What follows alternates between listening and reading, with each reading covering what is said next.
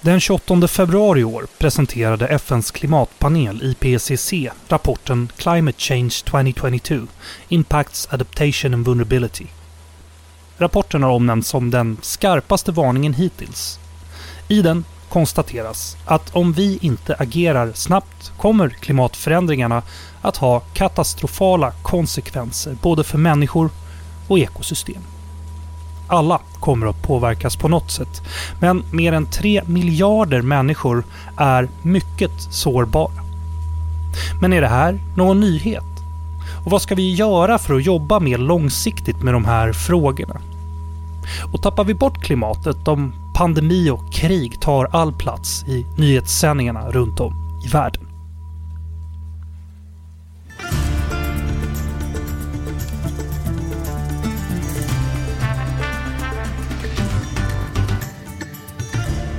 Du lyssnar på Utrikespolitiska institutets podd Utblick och jag heter Jonas Lövenberg.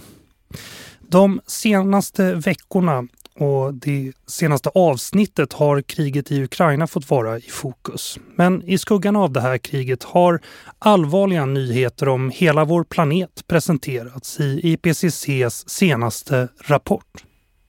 Och för att hjälpa mig och er att förstå vad som finns i den här rapporten och vad dess slutsatser kan ha för framtida inverkan på oss har jag med mig på länk hela vägen från Norrköping Erik Källström, professor i klimatologi som jobbar på SMHI och är en del av Nationella expertrådet för klimatanpassning. Välkommen Erik! Tack så mycket!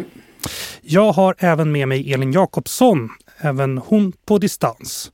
Hon är forskare på UIs program för global politik och säkerhet. Och välkommen tillbaks Elin! Stort tack Jonas! Jättekul att vara med igen. Jag tänkte vi skulle börja här. Vad är IPCC och hur fungerar de här rapporterna? Erik, vill du börja? Ja, jag kan säga lite kort. IPCC det är alltså FNs eh, så kallade mellanstatliga panel som, som hanterar just klimatförändringen och tittar på eh, klimatförändringen som sådan. Och man gör framförallt granskningar i form av stora eh, syntesrapporter eh, där man då tittar på olika aspekter, både av själva klimatförändringen som sådan, alltså de naturvetenskapliga eh, ja, processen och allting som ligger bakom. Men sen kikar man också, precis som den här rapporten som vi ska prata om idag, då, som handlar mer om effekter av klimatförändringen och hur, hur det påverkar människan och, och naturmiljön och sånt. Och sen har man också en tredje rapport som, som kommer om ett par veckor här nu som handlar mer om, om eh, mitigation eller hur man alltså kan försöka minska klimatpåverkan. Så att eh, det IPCC gör är att man, man det, finns, det är egentligen i princip nästan alla länder i FN som är med här och man utser, man kommer fram till vilka rapporter man ska skriva, man utser författare och sen får de ta fram utkast och underlag som man sen då arbetar med i flera omgångar med, med stor internationell granskning och så småningom så kommer man fram till ett slutresultat och kan presentera en färdig rapport. Du sa det i förbifarten kanske, där, men vad är syntesrapporter? Ja, det, alltså syntes är ju, det handlar om att man, man går ju faktiskt igenom i princip hela den vetenskapliga litteraturen eh, och vad som har hänt sen förra rapporten kan man säga. Och nu, nu ska vi prata om en rapport som kom här nu precis 2022 och föregående rapport i den här serien den kom 2014, den stora rapporten. Så det är alltså åtta års ny forskning som man går igenom och, just den här rapporten vi ska diskutera idag här det är ju om jag kommer ihåg rätt nu så är det 13 eller 14 000 olika vetenskapliga studier som man har gått igenom och kikat på. Så det, man tittar alltså egentligen på den samlade vetenskapliga litteraturen och så försöker man att dra ut ett huvudbudskapen ur detta och se, se hur det ser ut. Just det, och den här rapporten släpptes den 28 februari som, vi väl sa, eller som jag väl sa i introt där. Och den behandlar då effekter, anpassning och sårbarhet. Men vad betyder det då? Erik? Ja, alltså effekter handlar ju då precis som, som du säger om, det, det är ju vad effekterna av klimatförändringen, att det nu blir varmare och att vi har ändrade nederbördsmönster och sånt. Hur påverkar det världen? Och då handlar det både om hur det påverkar naturmiljön men också om hur det påverkar samhället. Eh, och sen sårbarhet i det begreppet ligger ju också då liksom i hur pass, hur pass utsatta är, är olika samhällen eller olika typer av ekosystem och naturmiljöer för de här förändringarna. Och sen anpassning, det handlar då om hur man så att säga kan eh, försöka att ändra och, och ställa om så att man på ett bättre sätt kan hantera de förändringarna som som händer eller som vi förväntar oss kommer att hända. Och det är ju samma sak för naturmiljön där också men naturmiljön har ju inte den förmågan då, så att, säga, att anpassa sig till någonting som, som komma skall i framtiden. Men där kan ju vi då med hjälp av klimatforskningen, vi har en, en hum om vad, som, vad, som kan, vad vi kan vänta oss framöver. Men i stora drag då, vad är de viktigaste slutsatserna i rapporten? Elin, vad ser du från din horisont? Ja, just det. Eh, jag som tittar mycket på det här med med eh, ja, men just de mänskliga effekterna till exempel och på samhällen och framförallt det jag kan mycket är ju effekterna på migration och så. Så det som är ett centralt budskap med den här rapporten, det är just eh, det här med anpassning. Att vi måste inte bara dämpa klimatförändringarna, utan vi måste anpassa oss till ett förändrat klimat och att vi måste göra det nu. Att det finns det här eh, möjlighetsfönstret, så att säga, ett window of opportunity, eh, som vi har nu kanske under det här eh, decenniet mellan 2020 och 2030, som kommer förmodligen vara helt avgörande för hur eh, utvecklingen sen blir. Och att den, ett viktigt budskap i rapporten är ju just att sån här anpassning räddar liv. Och vi har ju nu de här senaste åren fått en mycket större för, förståelse för att även en och en halv graders uppvärmning, som vi pratar mycket om att vi vill eh, nå, eh, liksom, nå till, även det innebär ju väldigt stora risker för människor och för samhällen. Och till och med 1,1-1,2 grader där vi ligger någonstans nu är också, vi ser ju redan väldigt stora effekter, naturkatastrofer och väldigt stort mänskligt rid, eh, lidande redan i, idag vi måste ju såklart göra allt vi kan för att dämpa klimatförändringarna, men stora delar av världens befolkning kommer drabbas hårt. Men konsekvenserna kan minskas, lidandet kan bli mindre om vi inte väntar med att försöka göra liksom mera långtgående, mera storskaliga anpassningsåtgärder eh, och som också planerar för längre fram, så att säga. Men betyder det här då att man samtidigt på något vis konstaterar att det har gått så långt så att vi kommer behöva anpassa oss vad som än händer, eller? På något sätt? Ja, så är det ju på ett sätt. Alltså, Erik kan säkert, mer, eh, kan säkert förklara mer om liksom det tekniska, men det är ju tyvärr så att vi redan har så att säga intecknat en viss uppvärmning, även om vi så här, teoretiskt sett skulle bara sluta släppa ut koldioxid nu idag. Och alltså en viktig sak som kommer fram i den här rapporten är att det blir ännu mer, alltså kunskapen om att extrema händelser som cykloner, översvämningar, torka, havsnivåhöjning, alla de här typerna av händelserna. Vi har nu mycket mer liksom säker kunskap om att flera av de här händelserna ökar i både antal och i liksom allvarlighetsgrad och även i, i tidslängd. Och just att det just finns det här orsakssambandet med klimatförändringarna, den kunskapen blir allt, liksom, allt mer säker. Och om man jämför då med förra eh, rapportcykeln, vi pratar här om vad är IPCC och IPCC-rapporterna, eh, så kan det ju vara bra också att känna till att de, IPCC gör de här rapportgrupperna så att säga i, i cykler. Och nu är vi i den sjätte och det är den sjätte syntesrapporten som kommer här då efter sommaren. Och i den förra då, den femte eh, rapportcykeln, så om man jämför med den så har vi ju liksom mycket mer kunskap i den här cykeln. Och eh, att eh, med hög säkerhet att riskerna blir högre vid lägre temperaturer, om du förstår vad jag menar. Mm, ja, jag, jag förstår. Jag hoppas ehm, lyssnarna hänger med. Ja. Och att antalet människor eh, alltså, som är utsatta för klimatrelaterade risker ökar och liksom väntas att fortsätta öka. Så att ehm, ja, eh, det är väl en hel del av den här läsningen är inte så, så upplyftande, så är det ju. Erik, vad, vad säger du eh, i stora drag? Är det några andra sluts, viktiga slutsatser här som, som du vill lyfta? Jag tycker det är viktigt att man också pekar på att, att eh, det här handlar inte bara om framtiden utan det här handlar faktiskt om vad vi är redan idag. Eh, klimatförändringen har alltså, och det visar man mycket tydligt i den här rapporten, på en, en mycket stor påverkan på, på naturen, naturmiljön men också på människa och samhälle och eh, samhällelig infrastruktur. Och, och, över hela världen kan man konstatera det här och det, och det ser man så att säga redan idag. När man tar, försöker också göra en sammantagen bild så är det, eh, så är det så att det, det är övervägande negativa effekter av, av det här då, och eh, som också är ganska genomträngande som ett ord man använder sig av. Så det, det, är någonting som verkligen slår igenom på, på, bred, på bred bas. Så det är viktigt att och, peka på det tycker jag. Så att det, inte, det här handlar inte bara om framtiden Eh, utan det handlar om var vi faktiskt är nu och var vi kommer att vara här under de närmaste åren också.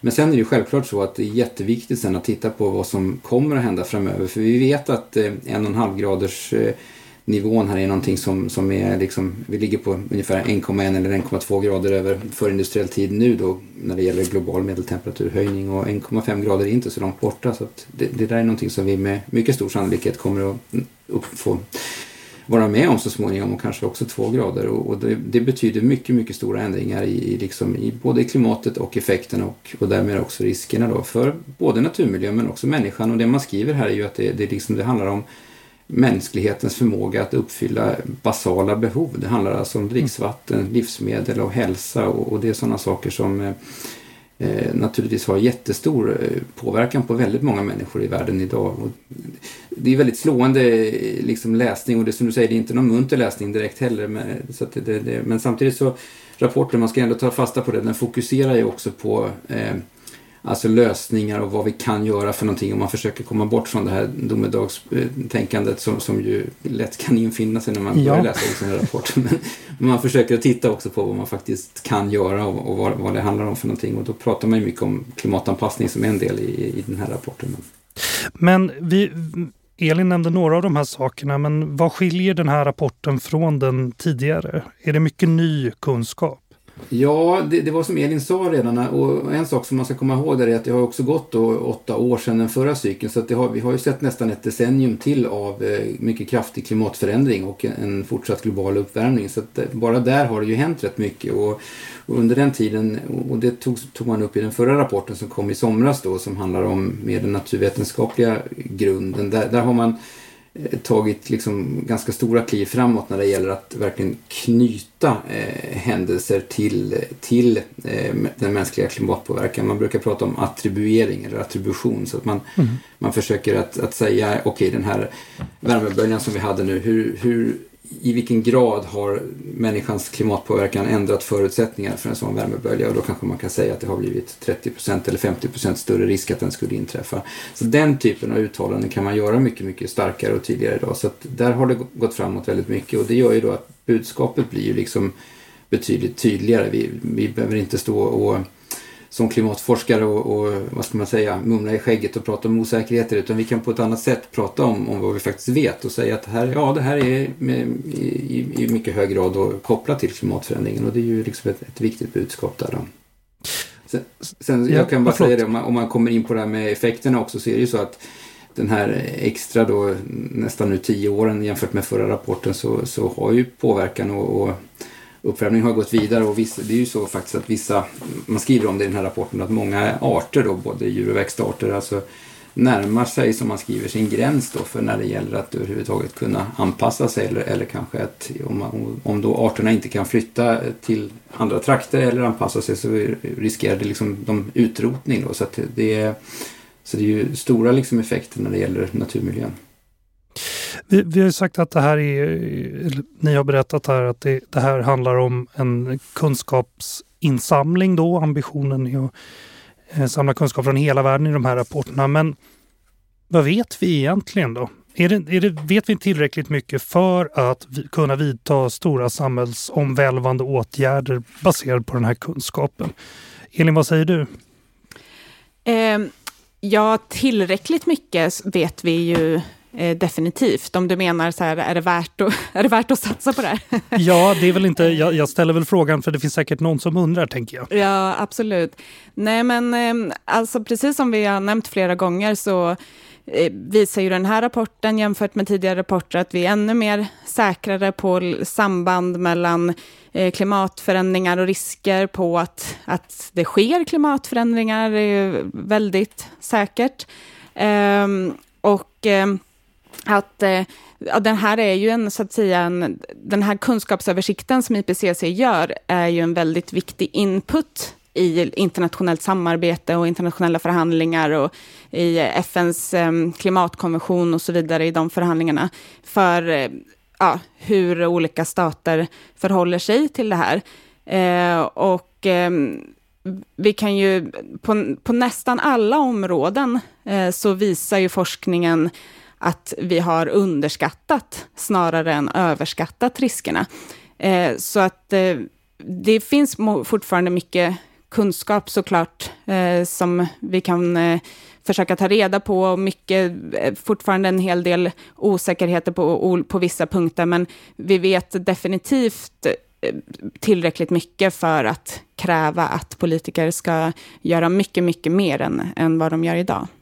Erik, vad säger du? Vad, vad vet vi egentligen Ja, alltså jag, jag, tycker ju som sagt, som, som Elin var inne på här också, de, de, de här rapporterna som vi läser nu, då, IPCC-rapporterna, de, de, är ju, de, de, är ju en väldigt viktig källa till kunskap och de går ju igenom hela den vetenskapliga litteraturen och, och det är ju ett eh, fantastiskt jobb som har gjorts där och, och det är en väldigt bra källa att kunna ösa ur när man liksom behöver, eller ja, vill sätta sig in i området eller också kunna, också faktiskt kunna berätta om, för andra om, om hur det ser ut. Då.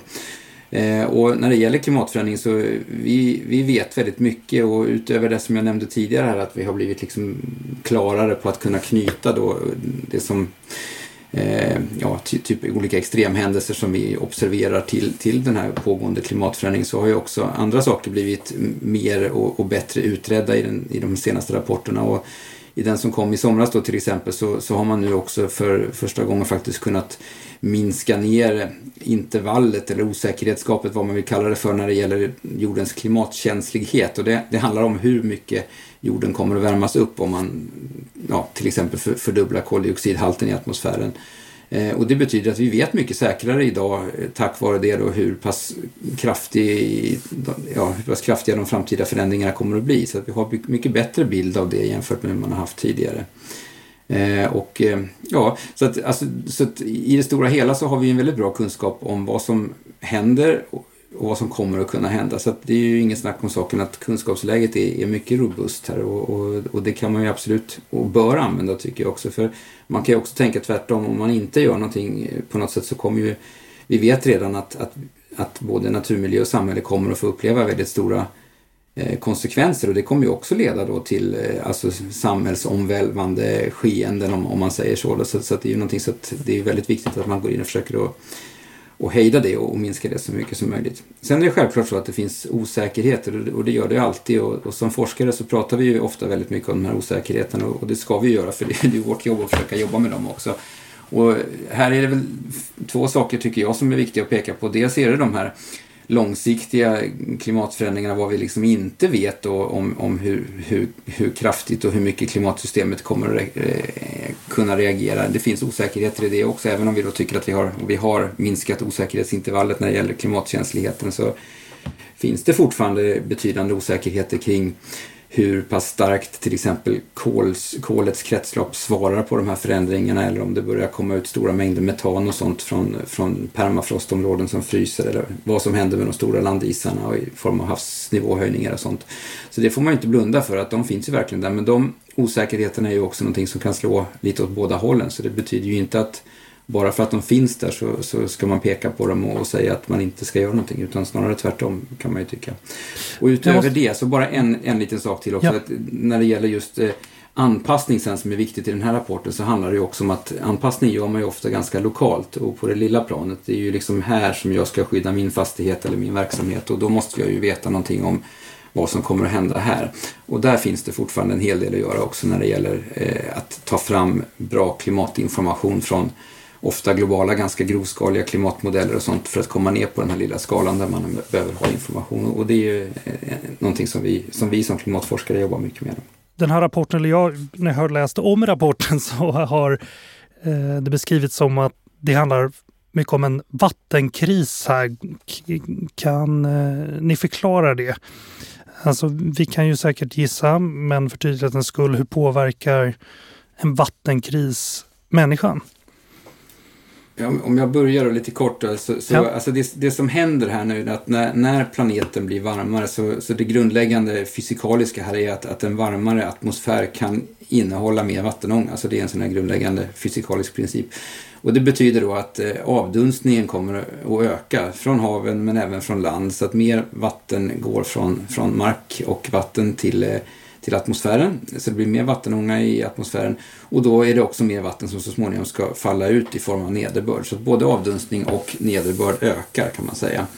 Så det sker alltså en ändring i det hydrologiska kretsloppet och det här kom, leder ju då både till att det blir mer och kraftigare regn och ibland även snöfall när det är tillräckligt kallt eh, på en del håll. Samtidigt så kan det då minska på andra håll där det inte finns tillräckligt mycket fukt då, för att eh, det, den här ökade avdunstningen driver ju också ökad torka och gör ju att torra områden där det inte regnar och där det inte faller så mycket nederbörd, där kan det i själva verket bli ännu torrare. Så att eh, det, det ger då både liksom ökade flöden i form av nederbörd men också ökad torka. Och det här påverkar ju då liksom också frekvensen av, av nederbördsområden och sådana saker. Eh, sen hänger det här, när det gäller då kris för människan, så, så beror det ju väldigt mycket då på i vilken grad vi så att säga är exponerade för det här också och hur pass sårbara vi är. Och då, då kan man se det att, eh, och det pekar man på i rapporten här, att man ser redan idag att de här ändringarna har då lett till att många fler människor lever i förhållanden med framförallt torka och det är det stora problemet här egentligen då kanske eh, skulle jag säga. Så att man pratar om att faktiskt över hälften av jordens befolkning har åtminstone under någon del av året då brist på vatten och, och det här beror inte bara på klimatförändring utan det beror på annat också men Eh, det här är någonting som är i ökande grad, det ökar den fraktionen av befolkningen och också då klimatpåverkan och den, den delen i det här så att säga. Så det här är någonting som vi ser redan idag och någonting som vi förväntar oss kommer att öka ännu mer. Och samtidigt så har vi då också mer översvämningar och skyfall och problem på den sidan också. Så det kan ju vara så att regioner drabbas först av ett skyfall och sen blir det torrt och torka. Så att det finns liksom flera sådana här faktorer som spelar roll. Nu pratar vi om, om, om avdunstning och torka och regn och nederbörd. Sen har vi också den andra delen av vattenproblematiken som är kopplad till havsnivåerna naturligtvis också. Vi har ju ökande havsnivåer på grund av både på att, att, det blir, att haven blir varmare och tar mer plats men också på grund av att isarna smälter i ökande grad. Och, så där är ju också så att säga en vattenkris i, i, i många kustnära regioner och det, och det är någonting som vi förväntar oss att det kommer att fortsätta vara så under, under mycket, mycket lång tid framöver. Ehm, det, det, blir ju häftiga återkommande värmeböljor också i de här scenarierna har jag förstått det som. Och, som hur påverkar de som bor i sådana här värmedrabbade områden eh, av, av värmen då? Vi har ju pratat om vattnet nu. Erik, när blir det ja. farligt liksom istället för jobbigt? Ja, man kan väl säga som så att, att eh, om det är framförallt när det är hög värme i kombination med hög luftfuktighet, eh, mm. då eh, har, alltså, som jag förstår det, människan, rent anatomiskt så man, kan man få väldigt stora problem med det, så att det kan leda till eh, ja, stora problem och att folk helt enkelt dör av värmeslag mer eller mindre. Och, får, så att, och den här typen av värmerelaterade dödsfall är ju någonting som då har ökat redan. Det kan man alltså eh, redan så att säga observera då på något sätt. Så det finns ju litteratur på, på som man har sammanställt i den här rapporten eh, i många regioner. Sen handlar det mycket här också om hur man är, hur pass, i vilken grad man är anpassad. Vi har ju mindre problem här uppe i, i Skandinavien till exempel. Men även här har vi då värmerelaterade dödsfall under, under varma år och det kan ju då framförallt kanske påverka ja, personer som har, är svagare på något sätt. Det kan vara äldre personer och det kan, men det kan också vara små barn till exempel som blir utsatta för kraftig värme och, och uttorkning och sådana saker. Sen ser man ju då tydligt att återigen så handlar det mycket om exponering så det handlar om var man bor och hur klimatet ser ut men sen också hur människan då också Eh, hur våra näromgivningar ser ut och i stadsmiljöer så förstärker man ju ofta den här värmen genom att där får man sådana här så kallade urbana värmeöar. Det är väldigt mycket hårdgjorda asfaltsytor och kanske relativt lite vegetation och vatten och det gör att temperaturerna blir ännu högre. Och där har man dessutom ofta då eh, samverkan då med, med höga halter av luftföroreningar som ställer till det extra mycket och ökar stressen då på, på människan när, när man får de här värmeböljorna. Och här väntar man sig en stor ökning då i, i jättemånga ställen och det handlar både om exponeringsgraden och att det blir många fler människor, på, i, särskilt i en del stora megastäder i, i tropikerna och på lägre latituder, men, och där det också förväntas bli mycket varmare. Och man skriver till exempel också det om att många av de här städerna ligger ju då vid kuster eller i floddeltan eller vid floder där det har varit gynnsamt för människan att, att utvecklas från början. Och, och, och det är ju områden som också då, där man har kombinationen då Eh, att det är låglänt och det kan bli ganska varmt och sen har man också fukten då, så att det är ju ställen som är, är, inte alltid idealiska ur det här perspektivet så att när det blir väldigt varmt så kan det bli stora, stor, mycket stora problem då framöver. Vad blir egentligen skillnaden på 1,5 graders eh, global temperaturhöjning jämfört med 2,0 grader? Ja, det, det, där beror väl på var någonstans i världen man är. Men alltså, ja. generellt så är det ju klart att när, när, temperaturen blir högre så, så ökar ju många av de här problemen som vi ser. Eh, vi, vi, kan, om vi tar ett exempel från Sverige till exempel så har vi ju haft en, en sån eh, från sex, alltså vi tittar på, på SMHI brukar vi använda sådana här så kallade normalperioder, 30-årsperioder. Så att när, när ni lyssnar på TV-meteorologerna så säger de att det är varmare eller kallare än normalt och då jämför man med de senaste 30 åren. Och nu har vi nyligen bytt period från 1961 till 90 till 1991 till 2020 och det har man gjort internationellt. Och då, under, mellan de två perioderna har, har Sveriges medeltemperatur höjts med 1,1 grader. Eh, och det är ungefär motsvarande 0,5 graders global höjning. Så det är ungefär samma intervall som vi pratar om här som skillnaden mellan 1,5 och 2 graders global temperaturhöjning in i framtiden. Då.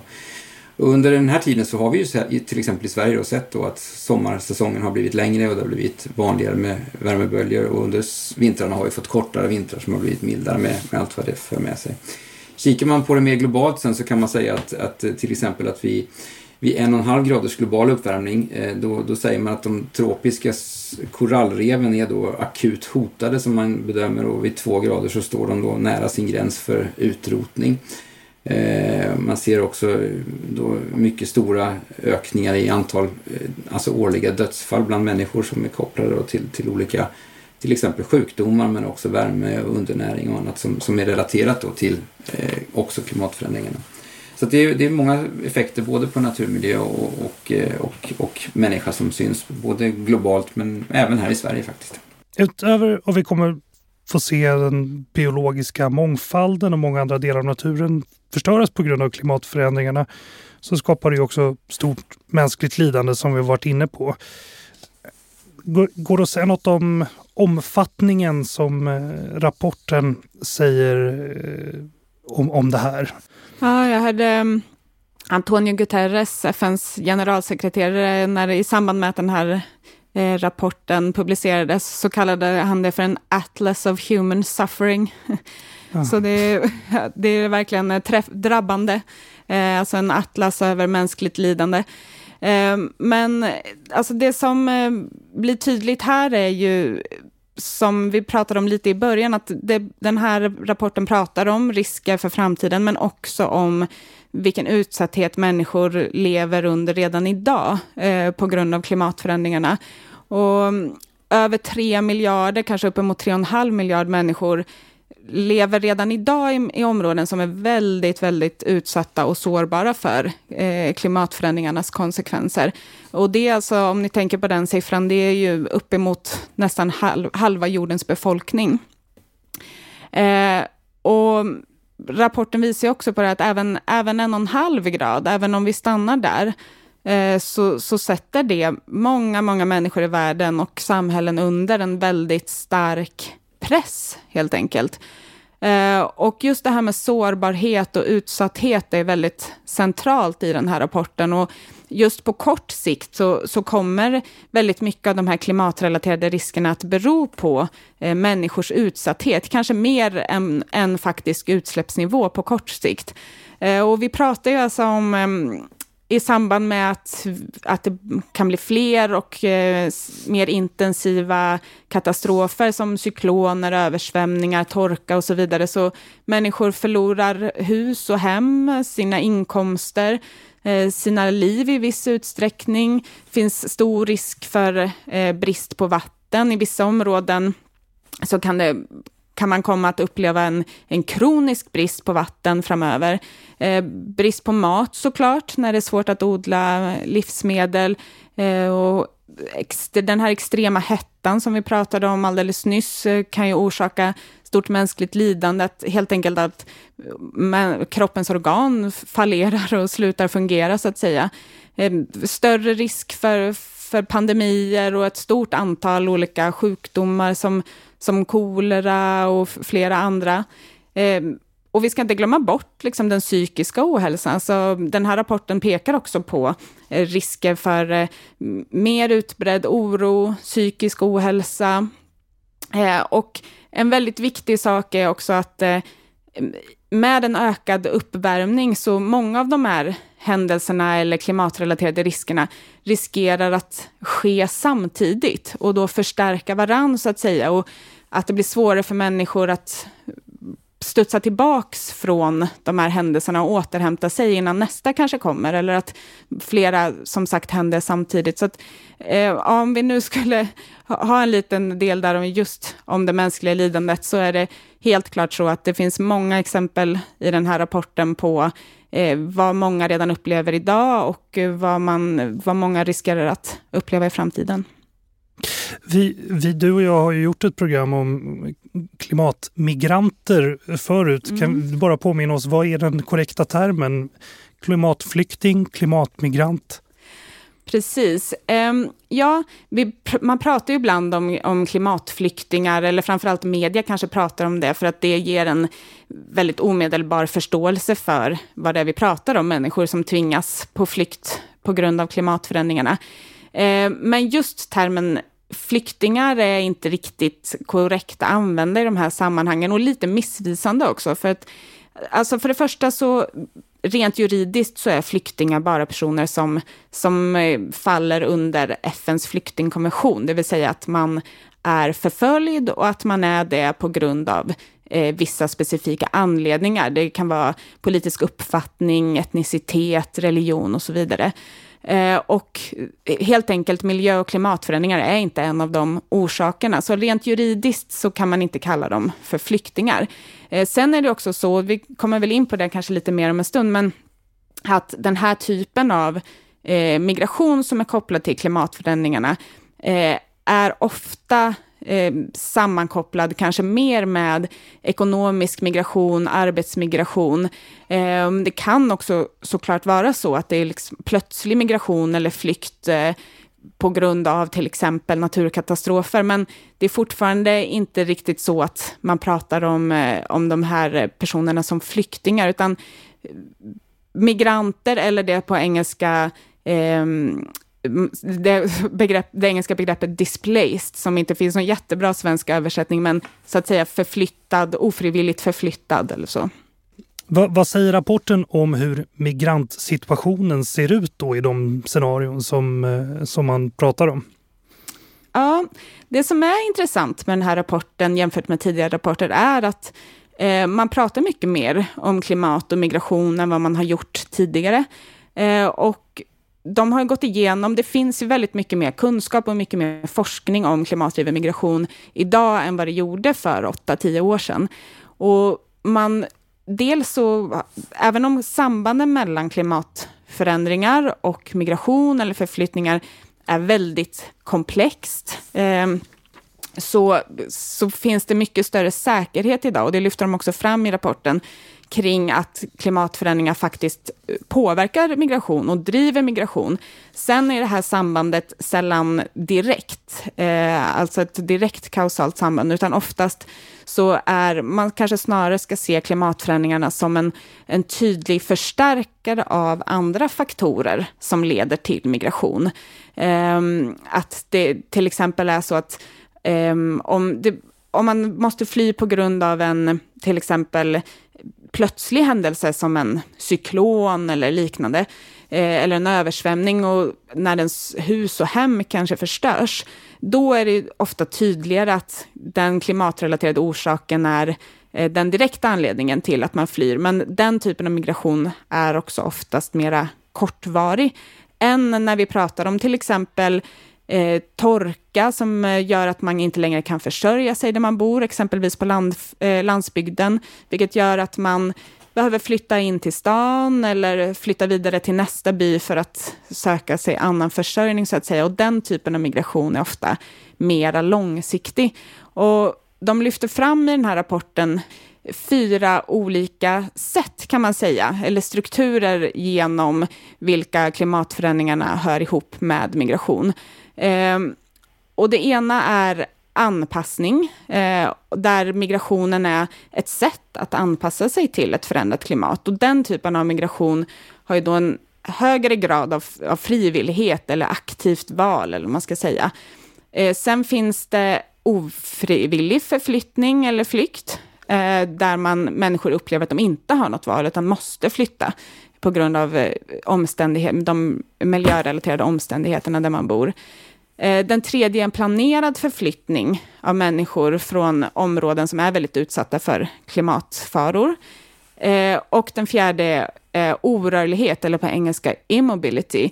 Att man inte migrerar Eh, trots att man bor i ett väldigt utsatt område. Eh, för att man inte kan, kanske. Man kanske inte har eh, de fysiska eller ekonomiska resurserna att göra det, eller för att, för att man inte vill helt enkelt. Så de, den här rapporten lyfter fram migration mycket tydligare än vad man har gjort tidigare. Och lyfter fram det också som ett sätt att anpassa sig, in, anpassa sig till ett förändrat klimat. Inte nödvändigtvis det bästa sättet, men när andra möjligheter är uttömda eller kanske som ett, som ett verktyg i så att säga anpassningsverktygslådan, eh, så lyfter de fram just migration som ett sätt att anpassa sig till, för många människor att anpassa sig till ett förändrat klimat. Men de pekar också på då att, att det är väldigt viktigt att att människor får vara delaktiga i den här migrationen, att gärna att det görs under, så att säga, Eh, ordnade former, där, där personer får vara delaktiga för att den här eh, migrationen ska bli så bra som möjligt, både för den som migrerar och för det samhället som tar emot de här personerna. Eh, och där eh, Eh, de här politiska strukturerna, eh, politiska, mm, eh, alltså policies och ramverk för att underlätta för personer att migrera på det här sättet, finns ju inte riktigt idag. Och det kan vi gå in på lite närmare om du vill, men eh, det är ju ett problem, så att säga, att vi inte riktigt har de här strukturerna eller den politiska viljan riktigt för att att hantera den här typen Nej, precis. Jag, jag tänkte fråga hur väl, apropå anpassning, då, hur väl förberedda är vi för en stor folkomflyttning i framtiden som kanske inte då är lika explosiv som från ett krig eller hur man nu ska uttrycka sig. Nej, precis. Um, om vi börjar lite där med, med siffrorna så, så är det ju så att alltså redan idag så är det många fler som flyr från eh, naturkatastrofer av olika slag än från våld och konflikt till exempel. Eh, och eh, sen är det väldigt, väldigt svårt att göra framtida uppskattningar om hur många som faktiskt kommer att fly. Vi, vi ser siffror, och de lyfter även i den här rapporten fram siffror på eh, tiotals till hundratals miljoner Eh, klimatmigranter vid mitten av, av århundradet och så, men det är oerhört svårt att göra den här typen av uppskattningar. Eh, personer kommer behöva fly eller migrera på grund av klimatet och förmodligen i, i ökad utsträckning, men det beror så mycket också på så här, hur väl vi lyckas anpassa oss, hur utsatta samhällen lyckas anpassa sig, ekonomisk kontext, arbetsmarknad, eh, om, omliggande konflikter och, och då policies och gränspolitik, det påverkar hur många det faktiskt blir. Så det är svårt att säga någon exakt siffra på det. Men eh, hur förberedda är vi? Ja, alltså det är viktigt då att säga att mycket av den här eh, klimatrelaterade migrationen, precis som all migration, sker ju framförallt internt inom landet. Eh, och eftersom många länder som drabbas hårdast av klimatförändringarna eller har svårast att anpassa sig är redan fattiga länder, och redan sårbara länder, så kanske det kommer handla mycket om att, att stödja de här länderna eller de regionerna som drabbas värst. Eh, men för de personer som, som faktiskt måste eller väljer att fly till till andra länder än sitt eget så finns det ju väldigt få ut, liksom, konkreta planer eller ramverk för att ta emot de här personerna. Eh, det finns ju alltså, diskussioner på internationell nivå, eh, förslag kring eh, temporära humanitära visum eller planerad vidarebosättning av, av eh, grupper som bor i väldigt utsatta områden och så, men tyvärr så, så ser vi ju inte den politiska viljan i nuläget att, att överlag eh, förstärka liksom, skyddsbehövandes och eh, migranters rättigheter. Så man, vi kan väl säga, ja, vi är, inte, vi är inte särskilt väl förberedda, skulle jag säga. Den här rapporten ställer ju ganska stora krav på alla delar av samhället eftersom den kräver handling nu. Liksom. Vad, vad krävs för att vi ska kunna ändra oss i rätt riktning? Erik? Ja, det är ju många saker som krävs och man är ganska tydlig på den här rapporten att skriva att, att det, här, det här handlar om, om det som de kallar för transformation. Att samhället behöver verkligen ställa om sig. Vi kan inte bara hålla på och eh, ja, hur ska man uttrycka inte bara hålla på och smådutta här och där utan det handlar verkligen om att försöka att ställa om samhället ordentligt och det här gäller då både på Eh, mitigationsdelen som den här rapporten egentligen inte tar upp men det handlar också om, om klimatanpassningen. Så det gäller att, att göra ordentliga omställningar så att samhället är, är mer förberett för att, att, att, ta och klara av de här förändringarna som, som man har, ser framför sig. Man har inför ett begrepp också som på engelska pratar man om climate resilient development, så man kan säga någon slags klimat motståndskraftig utveckling så att man ska ha en värld som kan stå, ja, klara och, ta, och stå emot de förändringar som, som, vi, som vi trots allt ser. Men det handlar alltså om mycket stor omställning. Och rent konkret här då, eh, några saker som man tar upp. För det första så, så, så tycker de och, och, och pekar på vikten av att vi ser det hela lite mer som en helhet och tänker mer i helhets, ett helt, helhetstänk på alltihopa. Så att klimat och biodiversitet, naturmiljö och män, människans samhälle, det hänger ihop väldigt mycket. Och, och, det är jättetydligt och viktigt att man tänker så, så att man inte bara går in och försöker att eh, ta hänsyn till hur, hur, det mänskliga samhället ser ut någonstans. För det kommer att slå tillbaka i så fall via antingen biodiversitetsfrågor eller klimat på något sätt. Man gäller att tänka på alla de här sakerna på en enhet. Och, och en viktig del som man lyfter fram, och det var det jag tänker framförallt jag ville ta upp här då, att, att man man pratar mycket om att, ta, att använda, att jobba med att förbättra förutsättningarna för naturliga ekosystem och naturen. Att man vill alltså man pekar på att det, fin det, finns ganska mycket forskning som pekar på att om man kunde liksom både restaurera och bevara eh, stora områden i världen eh, av jordens yta helt enkelt. Att antingen att man konserverar det med någon slags typ naturreservat eller att man använder och brukar den här naturmiljön på ett hållbart sätt så att man inte liksom utnyttjar den för mycket. Då kan man då, eh, tanken är då liksom att man hjälper naturen som i sin tur och sen kan hjälpa oss genom att både med att reglera klimatet och att se till att det fortfarande kommer att finnas dricksvatten tillräckligt för oss.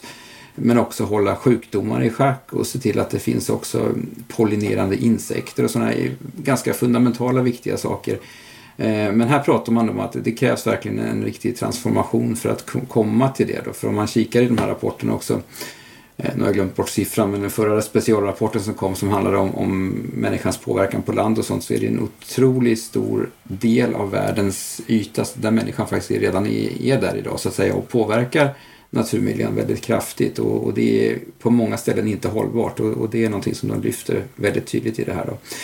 Och de ger exempel här också på hur det, och andra exempel på hur det kan gynna oss som att man till exempel restaurerar våt, våtmarker så kan man då minska översvämningsrisken på många ställen och, och har man mer träd och grönska så kan det ge skugga och, samhälle, och svalka i, i varma samhällen och sånt. Så det finns ganska mycket man kan göra där. Och sen är man också inne på att, att de åtgärderna man gör att de måste vara, ta sin utgångspunkt i den kunskap vi har om vad som händer och, och vad man bör, bör göra så man inte går in och Eh, börja göra saker och ting felaktigt här. Man pratar om eh, maladaptation, alltså en felaktig anpassning för då kan man det finns en risk att man så att säga bygger in sig i lösningar som blir dåliga på sikt liksom och slår tillbaka. Så det är väl några av de sakerna som man kan göra här för att ändra det i rätt riktning. Men det kräver ju jättestora insatser som sagt var.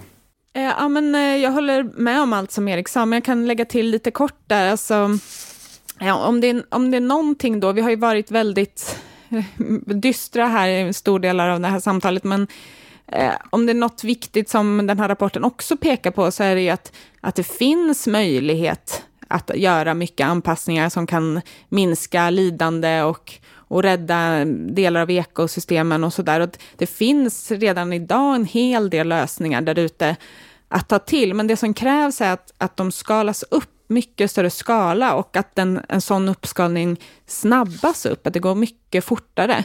Och sen att, att den här anpassningen, den behöver liksom underlättas, att det inte är massa politiska och strukturella hinder på vägen så att säga, utan att det finns en ty tydlig politik som eh, underlättar anpassning, att det finns tillräcklig finansiering och, och ännu mer kunskap om hur man anpassar sig. Och bara för att avsluta det där, att just det här med finansieringen är ju en väldigt viktig sak eh, som krävs för att vi ska kunna ändra oss i rätt riktning och, och en av de viktigaste faktorerna som, som begränsar anpassning idag. Och om man jämför med den förra rapportcykeln då från IPCC den femte så har behovet av finansiering ökat sedan dess. Eh, finansieringen har också ökat, men det är fortfarande helt otillräckligt att hindra den här anpassningen i framförallt utvecklingsländer. Och eh, rika länder har ju lovat, det är väl 100 miljarder i klimatfinansiering, men har hittills bara levererat en bråkdel. Så det är också en väldigt viktig del av vad som, vad som faktiskt ska till nu för att vi ska kunna göra den här omställningen. Just nu har vi ett krig i Europa. Under de senaste åren, två, tre åren har vi levt i en pandemi. Alltså hur påverkar sådana här händelser möjligheter att hitta lösningar i klimatfrågan?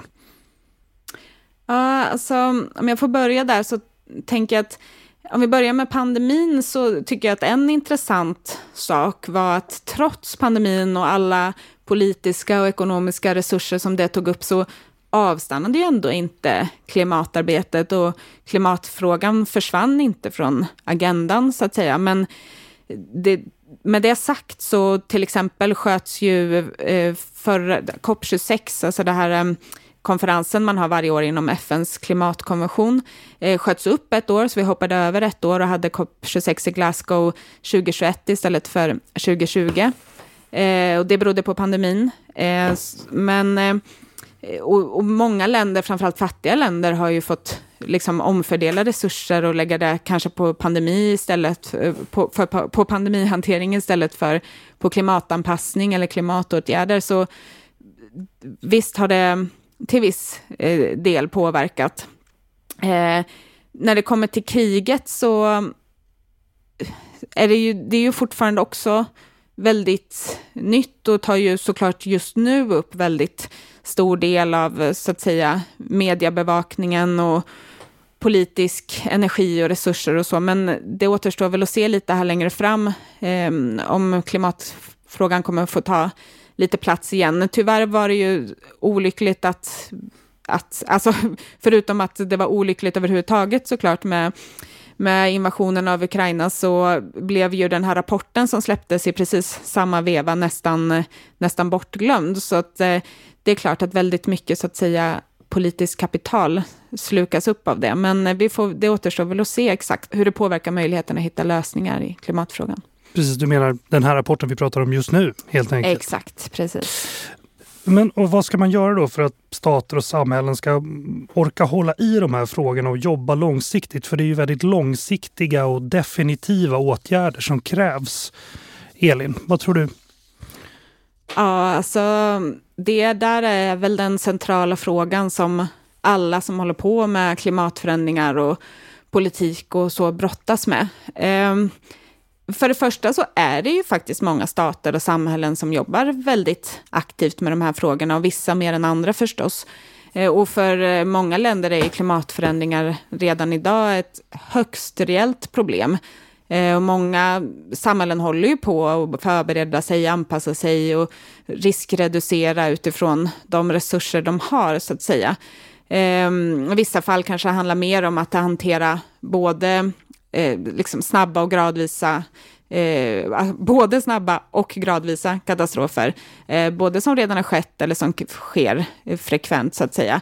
Men många rikare länder som kanske inte är lika hårt drabbade jobbar ju också med klimatförändringar på flera sätt, genom kanske egna klimatlagar till exempel, eller genom ett aktivt deltagande i internationella förhandlingar kring de här frågorna och så. Så att det här är ju en fråga som är, ändå är på agendan idag på ett helt annat sätt än för 10-15 år sedan, eller, ja, eller fem år sedan också för den delen.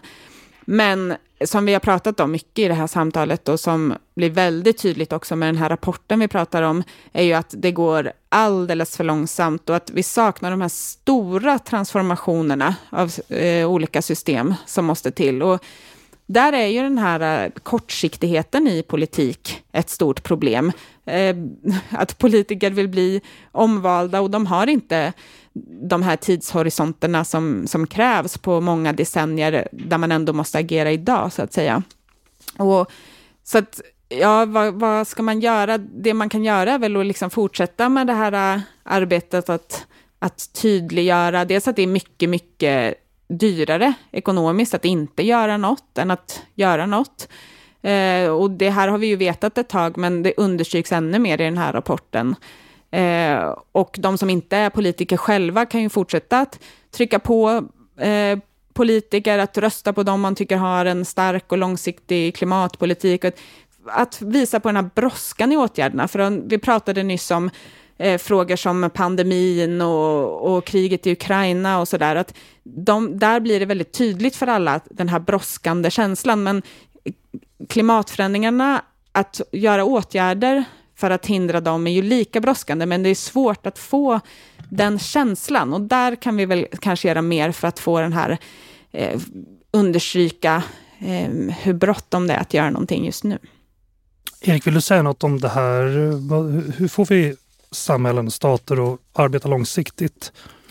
Ja, jag, jag, håller med om vad Elin har sagt. Jag tycker det är jätteviktigt. Men jag skulle ett lite annat perspektiv här handlar kanske också om det här med, med om vi tittar på olika delar av världen och olika förutsättningar. Dels vi har pratat innan här om om kanske mer resurssvaga länder som redan idag drabbas mer av de här klimatförändringarna. Där kan det också vara så och är på många håll så att de kanske inte har samma eh, vad ska man säga, eh, eh, ja, ramverk och, och forskarmiljöer och sånt där runt omkring där som kan arbeta med de här frågorna ordentligt. Och, och det, det, saknas på en del håll faktiskt fortfarande kunskap och, och, grundläggande kunskap i hur man till exempel ska förhålla sig till eh, klimatscenarier och räkna på det och kunna göra liksom kanske effektstudier och fundera på hur klimatanpassningsåtgärder ska göras på ett lokalt perspektiv. Eh, gärna då i, i samverkan med liksom folk som verkligen bor där och, och kan områdena på något sätt. Så, att, så att det finns fortfarande sådär också ett kunskaps, vad ska man säga, kunskapsöverförings och kunskapsuppbyggnadsperspektiv där som jag tycker är viktigt också. Så att där är ju viktigt att man håller i det på ett internationellt plan och bidrar till de här eh, ja, internationella forskarutbyten och annat och att man verkligen jobbar för att, att, att hjälpas åt så mycket man kan där. Och inte minst bara med helt enkelt klimatinformation faktiskt till att börja med, som jag jobbar med. Avslutningsvis, vad tror ni? Kommer vi kunna hålla den globala uppvärmningen under 1,5 grader? Elin? Eh, ja, jag vet faktiskt inte.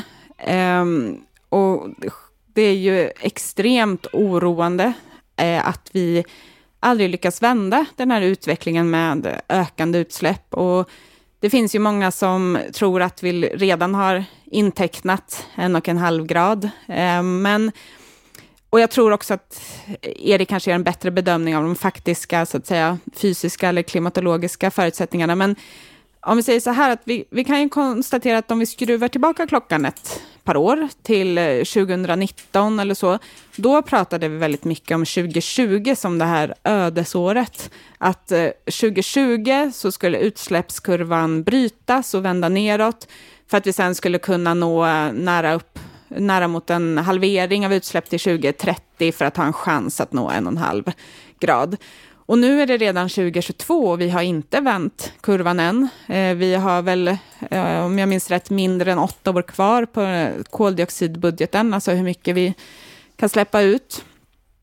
Men samtidigt så tycker jag ändå att här, debatten har börjat svänga tillbaks lite nu på senaste tiden mot att det faktiskt är en och en halv grad som är målet. Eh, sen hur, eh, hur sannolikt det är att vi når dit, det är en annan sak. Men jag tycker ändå att ett tag så verkar det som att ingen riktigt eh, trodde på en och en halv grad eller ens siktade mot det, försökte att eh, formulera mål som skulle nå mot en och en halv grad, utan att man snarare hade två grader kanske som tak. Men med den här nya kunskapen som vi har nu om vilka svåra konsekvenser som skulle ske redan vid en och en halv grad, eh, så tycker jag att diskussionen i högre grad ändå pratar om en och en halv grad igen. Om man, vi tänker COP26 då, förra året, så pratades det mycket om att det, målet att vi skulle hålla en och en halv graders målet vid liv, så att säga, vilket man kanske till viss del gjorde då, eftersom man fortfarande pratar om det.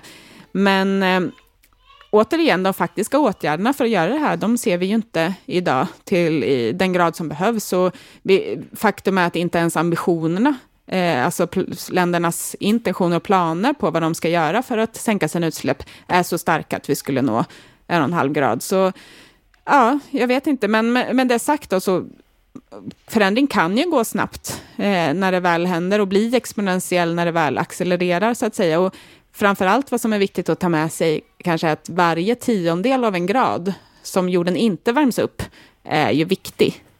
Erik, vad säger du? Tror du vi kommer kunna hålla den globala uppvärmningen under eller lika med då kanske 1,5 jag, grader. Jag ser, jag ser, det som väldigt svårt också för man tittar på liksom, utrymmet som finns kvar så att säga när det gäller hur mycket koldioxid som får släppas ut. Så det är ytterst begränsat och, och man gav siffror och sånt i samband med IPCC-rapporten förra sommaren här och det handlar om ja, storleksordning ett, ett decennium ungefär då, med, med, nuvarande utsläppsnivåer. Och sen ska det vara nere på noll efter det för att man ska klara det. Och det, det känns i mina ögon helt orimligt. Och följer man då också eh, alltså om man både tittar dels på, på ja, var vi är någonstans idag så att säga med dagens utsläpp och, och sen kan man titta då på vad de olika länderna har gjort för typ av åtaganden och, och, eller säger sig vilja göra ska man säga. Alltså typ Sveriges klimatmål om att vi ska vara koldioxidneutrala vid 2045. Och, alltså den typen av uttalanden. Om man räknar ihop allt det där så är det fortfarande så att vi är väldigt långt ifrån att kunna klara det här.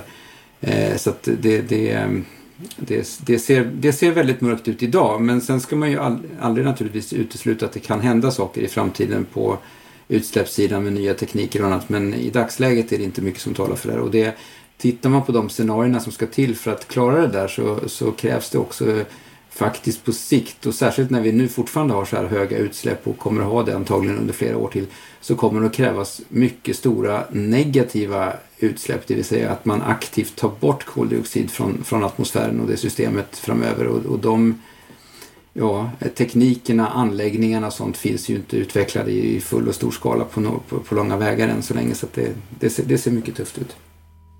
Erik Källström, professor i klimatologi. Elin Jakobsson, forskare på UIs program för global politik och säkerhet. Tack för att ni kunde vara med. Tack snälla. Tack så mycket. Nu har du hört Utblick, en podd från Utrikespolitiska institutet. Om du är intresserad av UIs forskning och omvärldsbevakning, titta in på ui.se. Vår vignett är komponerad av Frid en Frid. I kontrollrummet idag satt August Bolin. Jag heter Jonas Lövenberg.